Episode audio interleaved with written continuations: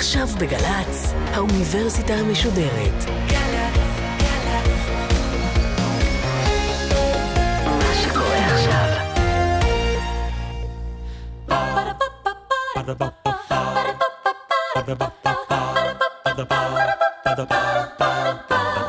האוניברסיטה המשודרת בשיתוף מיזם וויז מציגה המדען העירום, מיטב החוקרים בישראל בפגישה אישית עם בן שני. והפעם, הפרופסור אמנון שעשוע, שותף מייסד של חברת מובילאיי ופרופסור במחלקה למדעי המחשב באוניברסיטה העברית על בינה מלאכותית.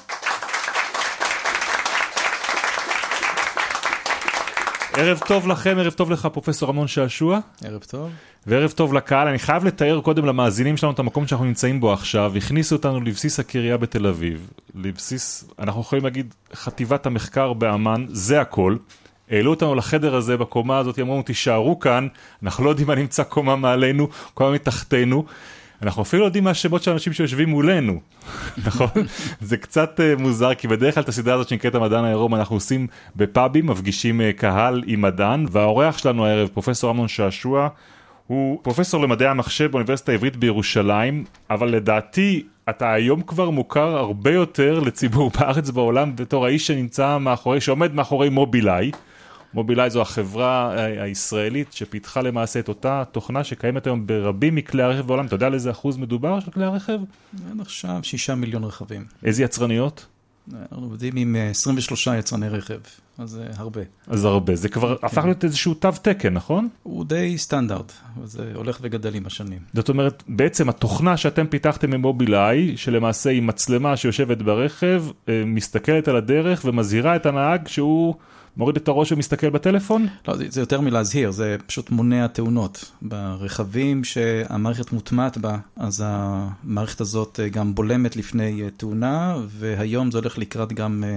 ניהוג אוטונומי. אז אנחנו נדבר על זה ועל מה שאולי כן. יעבור על עולם הרכב בעתיד ועל מובילאיי בהמשך השיחה שלנו, אולי בתוכנית שגם תשודר בשבוע הבא, אבל נושא השיחה העיקרי שלנו איתך יתחיל בעצם בתחום המחקר שלך, שהוא אה, בינה מלאכותית. אז אולי נתחיל במקום שבו זה מתחיל אצלך. אתה זוכר את המחשב הראשון שלך?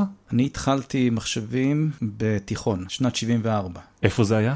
אורט טכניקום גבעתיים. לא רחוק מפה. לא רחוק מכאן, אבל עשר שנים לפני המחשב האישי הראשון. מה יש באמת מבחינת מחשבים ב-74? כלום, ב-74 כלום. היה PDP 8, שזה היה המחשב, 8 קילו בייט של זיכרון, סרט מגנטי. ומה המחשב הזה היום. מסוגל למעשה לעשות? הוא עשה די הרבה, כמובן לא, לא גרפיקה, אבל אפשר היה לתכנת אותו. אפשר היה לכתוב קוד שינהל רמזורים ברמזור. זאת אומרת, אפשר היה לעשות הרבה עם מחשבים של אז, כמובן, לא, לא, לא דברים שאנחנו עושים היום. זו הייתה תוכנית מרתקת, המורים היו מלאי מוטיבציה, כולם, כולם היו בעלי תואר ראשון. רק בדיעבד, כשאני עשיתי תואר ראשון, הבנתי שלמדנו דברים שלא לומדים בתיכון. למדנו אלגברה לינארית. שאתה עובד עם מטריצות, היום, גם היום לא לומדים את זה. העיניים שלך נדלקות. למדנו אופטימיזציה, כן. למדנו, רק כשהגעתי לאוניברסיטה הבנתי באיזה איזה תוכנית מתקדמת זאת הייתה, זה לא מתקרב למה שלומדים היום, זה היה הרבה הרבה יותר מתקדם. אז זה היה יותר מתקדם? הרבה יותר מתקדם. אתה חייב להסביר לי את זה. היום יש את הבגרות, כך וכך יחידות בכל מקצוע, והלימודים מקווננים לעבור את הבגרויות האלה. אנחנו למדנו קורסים שלא לא, לא עשינו להם בגרות. אבל היום כל תלמיד תיכון וכל מי שלומד מחשבים או שזה קרוב לליבו, כבר מתכנת אפליקציה, רושם עליה אפילו פטנט. מה לדעתך, איזה ידע לא מקנים לו? הפוקוס הוא על ללמוד תכנות. הפוקוס הוא להשתמש במחשב ככלי, לומדים גרפיקה, כותבים קצת תוכניות בגרפיקה. הפוקוס הוא יותר פרקטי. כשאתה מגיע לאוניברסיטה במדעי מחשב, אתה מתחיל ללמוד את התיאוריה מאחורי מדעי מחשב, שהתיאוריה הזאת דורשת כלים מתמטיים די מורכבים. אבל לכאורה... אנחנו בתיכון למדנו גם את התיאוריה. אני אומר, לכאורה השפות קיימות, קיימות תוכנות שמאפשרות לך על בסיסן לתכנת. למה צריך לרדת לבסיס הזה? אפשר כבר לקפוץ צעד אחד קדימה. תכנות זה כמו לדעת לכתוב. זה שאתה יודע לכתוב, זה לא אומר שאתה יכול לכתוב שירה. מה אתה עושה עם הכתיבה, זה נקרא מדעי מחשב. ומדעי מחשב למדת לראשונה למעשה, אחר כך גם באוניברסיטה. כן, אחר כך המשכתי אחרי הצבא, תואר ראשון ב... אז מדעי מחשב היה חלק ממתמטיקה. זה היה מחלקה למתמטיקה ומדעי מחשב באוניברסיטת תל אביב. אני זוכר שהתרגילי, תרגילי קוד הראשונים היו על המיין פרימים הגדולים, IBM 370, כרטיסיות, שאתה מנקב את הכרטיסיות. הנוער של היום לא, לא מבין על מה, על מה אני מדבר. מסתכל על הפנים, אתם, כשאומרים כרטיסיות ומנקבים כרטיסיות, יש לכם מושג במה מדובר? אתה כותב תוכנית מחשב שבה כל שורת קוד זה על כרטיס בנפרד, ואתה עורם את הכרטיסיות האלה לקופסה. וצריך לחורר אותן. אתה צריך, כן, יש, יש מדפסת שמחוררת אותם, ואז אתה מגיע לעמדה שבו אתה מעביר את הכרטיסיות האלה, ואם הקופסה הזאת נופלת, כל הכרטיסיות יתערבבו, ואז אתה צריך לשבת ולמיין אותם. תשמע, זה נשמע לכאורה, רק אני אומר, באמת, רק לי מותר להגיד את זה, כי אני ההדיוט בשיחה הזאת, זה נשמע לא מתוחכם. איך מתוך הדבר הזה בכלל מגיעה היומרה לחשוב על המושג הזה שנקרא בינה מלאכותית? טוב, ב-82 התחילו לחשוב על, התחילו לחשוב על בינה מלאכותית כבר בשנות ה-60. החשיבה על בינה מלאכותית זה, זה נושא שריתק את המדענים מאז שהמחשב הראשון, אה, כי אנחנו יודעים שהמוח האנושי, אין משהו מיוחד במוח האנושי, אין איזשהו קסם, אין איזשהו אה, זיק של אה, משהו אלוהי בתוך המוח שלנו, זה מכונה, ומחשב זה מכונה, ולמה שלא נוכל לעשות עם מחשב אה, מה שבן אדם עושה? בהתאם אתה יכול לתת לי את ההגדרה למה זה למעשה בינה מלאכותית? בינה מלאכותית זה הרצון להגיע לאינטליגנציה אה, שמז... שהיא שקולה לאינטליגנציה האנושית, לבצע משימות שבן אדם מסוגל אה, לבצע, וגם לעשות את זה יותר טוב, כי יש לנו יותר אה, כוח חישוב. מה שהתברר הוא שדברים שלבני האדם קל לעשות, למחשב קשה מאוד לעשות, ודברים שלאדם קשה לעשות, למחשב קל מאוד לעשות. כל דבר שניתן לתאר אותו כאוסף של אה, חוקים, כלומר לפתור משוואות דיפרנציאליות, נראה קשה, אבל אפשר לתאר אותו כאוסף של חוקים, ולתכנת את זה, זה יחסית אה, קל.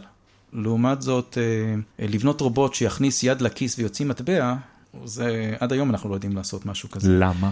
זה לא דבר שאפשר לתאר אותו בחוקים. למשל, להסתכל על תמונה ולהוציא משמעות מתמונה, או להסתכל על תמונה של פנים ולומר מי זה, ולתאר את זה כאוסף של חוקים, קשה לנו מאוד לעשות. עד היום אנחנו לא יודעים לתאר את זה כאוסף של... אה, למרות של שהיום, חוקים. אם אני מסתכל על התוכנות שקיימות ברשת, הן מזהות כבר פנים. בנושא של זיהוי, ראייה ממוחשבת, אה, למידה חישובית, ניתוח טקסטים, חלו פריצות מטאוריות בחמש שנים האחרונות. ויש מספר תחומים מצומצמים, אחד מהם זה זיהוי פרצופים, שמחשב היום מסוגל להגיע ל- ליכולת האנושית. לצורך העניין, מחשב מביט על הצומת, ורואה שם את האנשים שעוברים ואת המכוניות שעוברות, ואחר כך מנסח לעצמו את הכללים שלפעמים יעבדו הרמזורים? בוא ניקח את המשימה של בהינתן תמונה, מצא לי את האנשים בתמונה. בן אדם, הדיוט, אין שום בעיה לסמן לך איך האנשים נמצאים. אז היינו רוצים שמחשב יעשה את זה. למה היינו רוצים שמחשב אה, יעשה את זה? אם המחשב מנתח סיגנל שמגיע מהמצלמה, והמצלמה מסתכלת קדימה ברכב, והולך רגל קופץ אה, לכביש, אנחנו יכולים למנוע את התאונה הזאת. אז מה נדרש מהמחשב לעשות? כדבר ראשון, להסתכל על תמונה ולזהות שיש שם הולך רגל, שיש שם אה, בן אדם. אז איך אנחנו עושים את זה שלא במסגרת אה, חוקים? אנחנו יכולים לקחת מיליוני תמונות של אה, בני אדם, להכניס אותם לאיזושהי קופסה שחורה, שזה הלמידה החישובית, והקופסה השחורה הזאת יושבים הרבה מאוד אה, פרמטרים.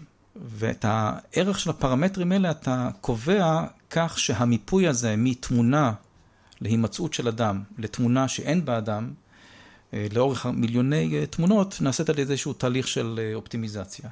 אבל המחשב ידע, המחשב שבמכונית ידע להבדיל מתי מה שהוא רואה זה אדם, ומתי מה שהוא רואה זו תמונת פרסומת של בר רפאלי על גבי תחנת אוטובוס? כן, כי הדרך שבה אתה עושה את זה, במקרה של אה, בר רפאלי ואדם, בר רפאלי נמצאת מעל הכביש, אז אתה יודע שזה לא אדם שזה מיקום. שהוא לא הגיוני לבן אז, אדם. אז יש גיאומטריה, זה מיקום שלא הגיוני. והמחשב יודע לעשות את ההבחנה הזאת? להגיד, אני לא מצפה שהבן אדם יהיה בגודל כזה, או שיהיה במקום הזה? כן, כן. אתה יכול לקחת הרבה סרטים, בסרטים האלה אתה מסמן את כל האנשים וה- והרכבים והתמרורים וכך הלאה, ואומר למחשב, אלה אנשים, אלה רכבים, אלה תמרורים, ואותה מערכת אה, לומדת גם את המיקום הגיאומטרי. תלמד שבני אדם נמצאים במיקום גיאומטרי מסוים, תלמד גם את מיקום, ה... תלמד את מיקום הכביש, ותחלץ את האינפורמציה בעלת המשמעות מהתמונה, לא על ידי כך שאתה חוקקת, שאתה תיארת מערכת חוקים וכתוצאה ממערכת החוקים בנית תוכנית מחשב, אלא נתת למערכת על סמך דאטה סטטיסטי למצוא את הפרמטרים מאחורי, מאחורי אותו מיפוי. ואיפה נמצאת האפשרות, אם, אם בכלל חושבים על זה, להכניס לתוך קבלת ההחלטות של המחשב כל מיני דברים אחרים שמשמשים אותנו כבני אדם בקבלת החלטות. אינטואיציה, רגש, את זה מנטרלים לחלוטין, או שיש גם יומרה לה, להפעיל גם דברים כאלה בתוך מכונות? לא, יש, יש, יש יומרה, בואו בוא רק נעשה סדר באינטליגנציה מלאכותית. התחומים שבהם יש אה, פריצות מטאוריות, הם התחומים של הבנת תמונה, התחומים של אה, ניתוח אה, טקסט, תרגום טקסט, תרגום מצליל לטקסט, הבנת שפה טבעית, למשל הסירי שיש לנו באייפון. היא דוגמה שהולכת ומשתכללת. שהולכת ומשתכללת, אנחנו מדברים למחשב, המחשב מתרגם את זה לטקסט, ואם הטקסט הזה הוא לא מורכב מדי, המחשב גם מבין מה אנחנו רוצים. אני יכול להגיד לסירי, תעירי אותי מחר בשבע בבוקר, אז היא לא רק תרגמה את זה למילים, היא גם הבינה את המשמעות אה, מאחורי זה. אז ניתוח טקסט, ניתוח אה, תמונה, הם תחומים שהייתה קפיצה מטאורית. לא רק שהייתה קפיצה מטאורית, יש תתי תחומים שאפשר גם להגיע ליכולת האנושית. וציינתי זיהוי פרצופים, אה, זיהוי הולכי רגל, זיהוי רכבים בקונטקסט של, של מובילאיי. אנחנו מגיעים בהחלט לסף של היכולת הראייה האנושית. תחומים של לוגיקה, common sense, שכל ישר, uh, reasoning, לחשוב על הסיטואציה, אינטליגנציה מלאכותית עדיין לא שם. אנחנו אפילו מאוד מאוד רחוקים. תחומים ברובוטיקה, היכולת uh, לבנות רובוט uh, עם קינמטיקה ודינמיקה שיתקרב ליכולת הדקסטריטי האנושי, הוא גם כן מאוד מאוד רחוק. אנחנו היום לא יודעים לבנות רובוט שיפתח דלת וייכנס לתוך אוטו. לאורך הרבה שנים, עם ניסיונות לקודד אה, חשיבה אנושית באמצעים אה, לוגיים, לקודד שכל ישר באמצעים לוגיים, הם, הם לא צלחו. אבל בוא נלך למחוזות אחרים, לצורך העניין רפואה.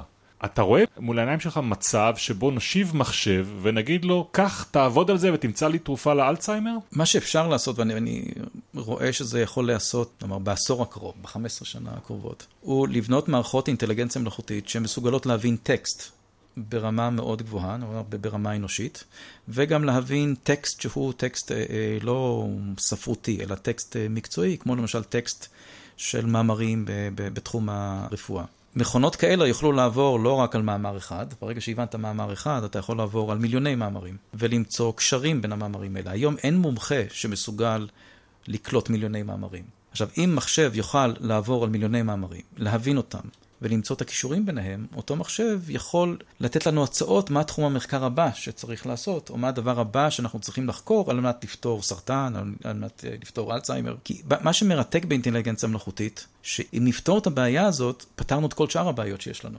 כן, תאר לך שנשיב מחשב ונגיד לו, תן לנו בבקשה את המתווה המומלץ להסכם שלום בין ישראל והפלסטינים. זה אני לא בטוח שמחשב יוכל לעשות אי פעם. אבל בהחלט לפתור בעיות של אה, בעיות רפואיות, מצא פתרון לסרטן, או מצא כיווני חקירה חדשים לסרטן, לאלצהיימר. עוד דבר שאני מדמיין שאפשר יהיה לעשות, הסרט uh, Her, היא, הסרט מדע בדיוני שהיה לפני כמה זמן, שבן אדם מתאהב עם מערכת ההפעלה שלו. זה לא כל כך אה, דמיוני, זה, דמיוני להיום, אבל לא דמיוני לעוד חמש, אה, עשר שנים. תיצור לך בני זוג שיתאימו לך? ליצור לך חברים. זה לא צריך ללכת עד בני זוג, אבל אתה בהחלט יכול אה, לבנות לך חבר אה, וירטואלי עם ספציפיקציות של תכונות אה, אישיות. נשמע נורא עצוב. ואותו חבר וירטואלי הוא חבר שלך. מתקשר איתך, ומספר לך סיפורים, ויודע מה היה תוצאת משחק כדורגל, כן, לשם אנחנו שואפים? אני לא יודע אם לשם אנחנו שואפים, אבל לשם בטוח נגיע. זאת אומרת, לשם נגיע כן, קודם. לשם בטוח נגיע. זה, זה אה, נשאר עוד כמה בעיות קטנות אה, באינטליגנציה מלאכותית, בלוגיקה ובהבנה של שכל ישר, ונראה שאנחנו בהחלט נגיע לשם קודם, הזה. ואולי אני גולש לחלק השני של השיחה שלנו, נגיע לשם קודם, כי שם גם נמצא הכסף. תראה, אתה לא יכול לעשות משהו שיש לו משמעות, שבו אתה צריך להשקיע הרבה משאבים, אם אין מודל עסקי מאחוריו. זאת אומרת, פילנטרופיה יכולה להביא אותך עד נקודה מסוימת. אתה חייב לעשות משהו שיש בו מודל עסקי על מנת לרכז משאבים. לא, לא, לא עושים דברים רק מתוך אה, רצון טוב. והמודל העסקי מאחורי הדברים האלה הם הזרז לבנות דברים גדולים בעלי, אה, בעלי משמעות. זאת אומרת, אם בני אדם לא מעוניינים שיהיה להם חבר וירטואלי, אז זה לא, זה לא יקרה. אני חושב שבני אדם כן מעוניינים שיהיו להם חברים אה, וירטואליים. אתה חברים. קם בשלוש לפנות בוקר, אף אחד מהחברים הפיזיים שלך לא ערני, ובא לך לשוחח עם מישהו, אז אתה משוחח עם אה, מוישה הווירטואלי. ומוישה הווירטואלי הוא מבחינתך אדם אנושי לגמרי. אז אם אתה הרשית לעצמך ללכת פה למחוזות המדע הבדיוני, איפה אתה עומד מול כל אותם תסריטי אימה? שמדברים על היום שבו מכונות ישתלטו עלינו, יפתחו תודעה משלהם, וילכו למקומות שבהם לא תכננו אותם אה, ללכת אליהם, ובסופו של דבר אולי יגרימו לנו נזק. תראה, יש, יש מדענים אה, לאחרונה ש, שהעלו את הסכנה הזאת, חלק מהם אמרו שזאת הסכנה הגדולה ביותר לאנושות, האינטליגנציה המלאכותית. ואתה צוחק כשאתה אומר את זה. כן, אני חושב שזה, זה, שזה רחוק, אני חושב שזה מאוד רחוק. זה כמו לדבר עכשיו על לבנות מושבות במאדים. זאת אומרת, המחשבים שלנו, המתקדמים ביותר, מסוגלים לפתור בעיות מאוד מאוד מרשימות בתחום של הבנת תמונה, בתחום של הבנת טקסט. אבל אין להם מוטיבציה, אין להם מודעות עצמית, אין להם אה, רצון עצמי. הם פותרים בעיה מאוד מוגדרת היטב בתחום מאוד מאוד אה, צר. המעבר משם למכונות שיש להן מודעות עצמית, רצון עצמי, אה, היא, היא מאוד מאוד רחוק, אין לנו מושג איך, איך מגיעים לדבר כזה, לא היה לנו מושג לפני 50 שנה ואין לנו מושג היום. העוצמה של, ה, של, ה, אה, של בני אנוש היא לא נעוצה בתחכום של הפרט הבודד, היא נעוצה בקישוריות שיש בינינו, אנחנו יצורים אה, חברתיים. אנחנו כ- כחברה מסוגלים לעשות דברים שאף אדם בודד, חכם ככל שיהיה, לא מסוגל אה, לעשות. קישוריות בין מחשבים היא נועדה להגדיל את כוח החישוב של המחשב. אין סיבה שמחשב בודד עם כוח חישוב זהה ל cluster של מחשבים, לא יוכל לעשות בדיוק את אותו דבר. הסיבה שיש לנו רשת של מחשבים הוא רק כדי לייצר יותר אה, כוח אה, חישובי. אצל בני אדם זה אחרת. הרשת של, של בני אדם יוצרת אפקט הרבה יותר גדול מלקחת את הפרט ולהכפיל אותו במספר האנשים. אז זה משהו שאני מאמין שאינטליגנציה מלאכותית אף פעם לא תגיע אליו. אבל אם אנחנו מרשים לעצמנו קצת ככה לשגות במדע בדיוני, אני לא יכול לפתח מחשב, מכונה ש, שתחשוב כמוני, שאני אוריד אליה חלק מקבלת ההחלטות שאני מקבל ביום יום, שתדבר כמוני אחרי שאני אלך לעולמי? בהחלט אפשר יהיה לבנות, וזה לא מדע בדיוני, אה, תוכנת מחשב שיש לה תכונות אישיותיות שאנחנו אה, מגדירים מראש. אותן תכונות אישיותיות המכונה הזאת יכולה ללמוד אותם, על ידי כך שהיא עוברת על, על כל הפוסטים שלך בפייסבוק, על כל הקשרים שלך עם החברים ועם הבני אדם אה, אה, סביבך, לאורך כל החיים שלך, על מנת לעשות fine-tuning לאותן תכונות אישיותיות, וליצור אה, יצור אה, וירטואלי שאמור לחשוב ולהתנהג אה, כמוך, אבל שוב, זה יצור וירטואלי שנמצא במחשב. זה בהחלט יכול להיעשות, ואני מאמין שגם ייעשה עוד בימי חיינו. פרופסור אמנון שעשוע, מומחה למדעי המחשב ולבינה מלאכותית, הוא האורח שלנו הערב במדען העירום, ואנחנו, כבר אמרנו קודם, נמצאים כאן בפני קצינים וחיילים אה, מחטיבת המחקר של אמ"ן בבסיס בקריה. הם לא יכולים להזדהות בשמות שלהם, מטעמי ביטחון שדה, אבל יש להם מה לשאול אותך הערב, אז בבקשה. אז uh, ערב טוב. Uh, השאלה שלי, היא, איך מתמודדת אינטליגנציה מלאכותית עם הפתעות? למשל, במובילאיי, אני מדמיין את המצב של פורים, או בשאר העולם uh, הנוצרי, הלואוין. אנשים לא נראים כמו אנשים. הם יכולים לראות כמו מכונות כביסה, או חתיכות פיצה, או כל דבר אחר. Mm-hmm. וזה, גם אם עוברים על מיליוני תמונות של אנשים, המערכת לא תדע לזהות אותם כאנשים. או שאולי כן? יש את השאלה הכללית איך, איך מתמודדים עם הפתעות. הפתעה זה אה, אירוע שיש לו הסתברות מאוד מאוד נמוכה לקרות. עדיין כשאתה מקבל דאטה לצורך אימון אותה מכונה של אה, למידה חישובית, יש בה גם אירועים נדירים. זאת אומרת, ככל שיש לך יותר דאטה, ככה אתה מדמה את העולם האמיתי בצורה יותר uh, טובה.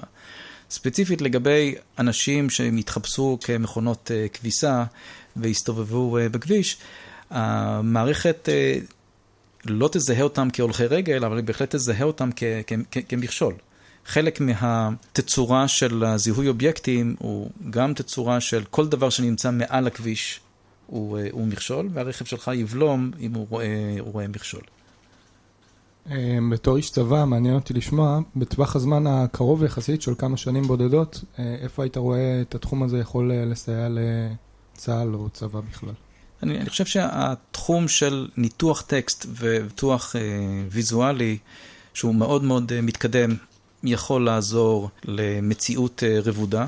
היום זה במשחקים, אבל בהחלט יש לזה יישומים אה, צבאיים, שאתה שם על התמונה שאתה רואה אינפורמציה שהיא מאוד חשובה, והאינפורמציה הזאת על עצמים שנמצאים סביבך, מה הם עושים, כדי לעזור לך למקד uh, תשומת לב. Uh, למערכות uh, רובוטיות, לאו דווקא מערכות רובוטיות uh, גפיים וידיים כמונו, אבל יכול להיות גם מערכות רובוטיות על, על גלגלים כרכבים אוטונומיים, רכבים אוטונומיים בתחום הצבאי ורכבים אוטונומיים בתחום האזרחי. אחד הדברים שמובילאיי עוסקת בהם הם רכבים אוטונומיים בתחום האזרחי, שזה משהו שאמור לפרוץ חודשים ושנים הקרובות, זה לא, זה לא מדע uh, בדיוני.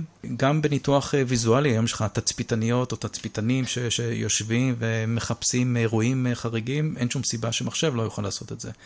אם מחשב מגיע ליכולת תפיסה ויזואלית קרובה ליכולת האנושית, ולשם אנחנו הולכים, אז אתה לא צריך תצפיתנים, המחשב יוכל לעשות את זה לבד. בנושא של ניתוח טקסט, מעבר על חומר מודיעיני, יכול לעשות על ידי מכונות, וייעשה על ידי מכונות. היום מדברים על זה שכתיבה עיתונאית, לאט לאט תהיה מוחלפת על ידי מחשבים. מה זאת אומרת? עכשיו אני נדלקתי. כתיבה עיתונאית, כן? כן. למשל לקט של חדשות, מחשב יכול לעשות את זה לבד, לדעת מה חשוב ומה לא חשוב, מה מעניין ומה לא כן. לא מעניין, מחשב. כותרות של השבוע האחרון. בהחלט, יש כבר חברות היום בסיליקון וואלי, שבונות תוכנות מחשב שעוזרות לתחום הפיננסי לייצר דוחות באופן אוטומטי.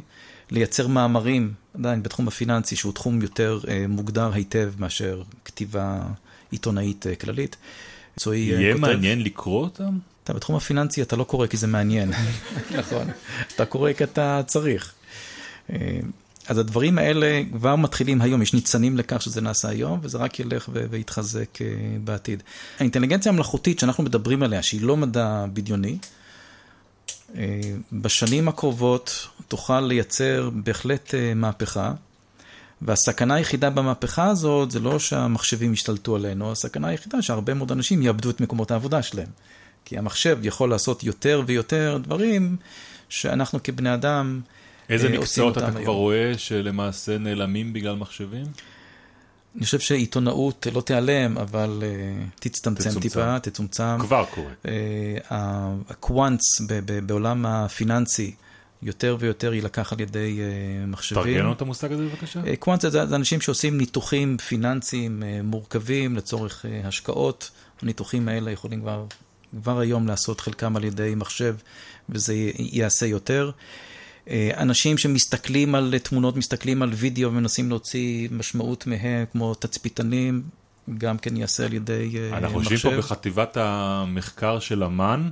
אתה רואה, לצורך העניין, איך נקרא לזה, הפרטה של חלק מהעבודה שנעשית כאן על ידי חיילים לטובת משימות אחרות למחשבים? בהחלט, זה לא, זה לא יפסח על הצבא, אבל זה דבר חיובי, זה, זה, זה כמו שדפוס גרם לאיבוד מקומות עבודה של סופרי סתם, אבל דפוס הוא דבר מאוד מאוד חשוב. גם פה אפשר להסתכל על זה כעזרים קוגניטיביים שיעזרו לנו למקד את היכולת שלנו לתחומים יותר ויותר אה, גבוהים. אבל זה אומר שהרבה עבודות פשוטות יעשו על ידי אה, מחשב בשנים הקרובות. עוד שאלות. אה, מכיוון שהשאלה של מה מותר ללמד את המכונה היא כולל גם היבטים אה, פילוסופיים ומוסריים, אז רציתי לשאול, האם כבר היום יש זרמים או כיוונים של תחילת שיח רגולטיבי בנושא, או האם אתה צופה שזה יקרה בעתיד ועלול להרים קשיים על המחקר? אני חושב שזו שאלה מאוד מעניינת. היום אין, אין אילוצים אה, אה, רגולטוריים. כי המדע עוד לא הגיע לנקודה הזאת שצריך כאלה אילוצים. אבל אם נחזור לדוגמה שנתתי מקודם, היכולת לבנות חבר אה, וירטואלי, אני מניח שזה, שזה מעלה כל מיני אילוצים אה, פילוסופיים. אתה יכול לבנות אה, חבר שיש לו תכונות אישיותיות שהן לא מומלצות, כמו, כמו רוצח, לדוגמה. והחבר הזה מסתובב לו ברחבי הרשת ומרעיל את נשמותיהן של אה, בני נוער וכאלה. זאת אומרת, אני, אני בהחלט, בהחלט מדמיין שיושתו כל מיני אילוצים על אותם יכולויות אה, של לבנות בני אדם וירטואליים. תוכנות מחשב שיש להם את היכולת להצטייר כבני אדם ולא נוכל להבדיל בינם לבין אה, בני אדם פיזיים בתקשורת מולם. אני בטוח שיהיו אילוצים כתוצאה מהיכולת הזאת.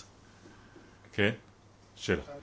היכולת uh, לבנות uh, בינה מלאכותית מאפס, מברזלים, ליצור משהו מסוים, uh, למה זה גורע בעצם היכולת לקחת בעלי חיים שיש להם איזשהו סוג של אינטליגנציה ולקדם את האינטליגנציה הזאת למשהו יותר חכם ממה שקיים? טוב, אנחנו לא יודעים לקדם מערכות אה, ביולוגיות, נכון? אנחנו בקושי יודעים אה, לייצר אה, רקמות חדשות. אנחנו לא יכולים לקחת מוח של אה, ייצור אה, ביולוגי ולשדרג אותו. יותר קל לנו לקחת אה, מחשב ולהוסיף לו כוח חישוב ולהגיע לנקודה שבה כמות הכוח חישוב היא כל כך גדולה, שעל ידי הרבה דאטה אנחנו מסוגלים ללמד את המחשב לעשות דברים שלפני 20 שנה לא, לא דמיינו שאפשר לעשות.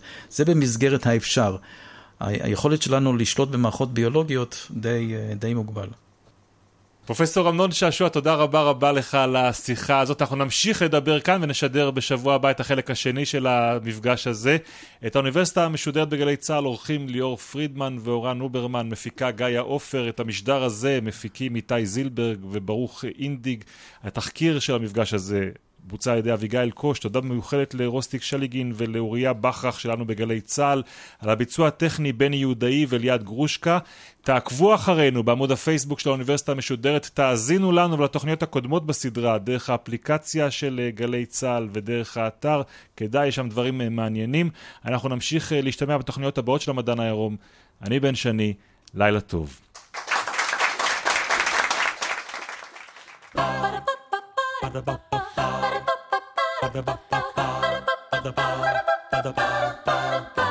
האוניברסיטה המשודרת. בן שני שוחח עם הפרופסור אמנון שעשוע, שותף מייסד של חברת מובילאיי ופרופסור במחלקה למדעי המחשב באוניברסיטה העברית על בינה מלאכותית. מערכת האוניברסיטה המשודרת, מאיה להט קרמן, ליאור פרידמן, אורן הוברמן וגיא עופר. האוניברסיטה המשודרת, בכל זמן שתרצו, באתר וביישומון אפליקציה של גל"צ וגם בדף הפייסבוק של האוניברסיטה המשודרת.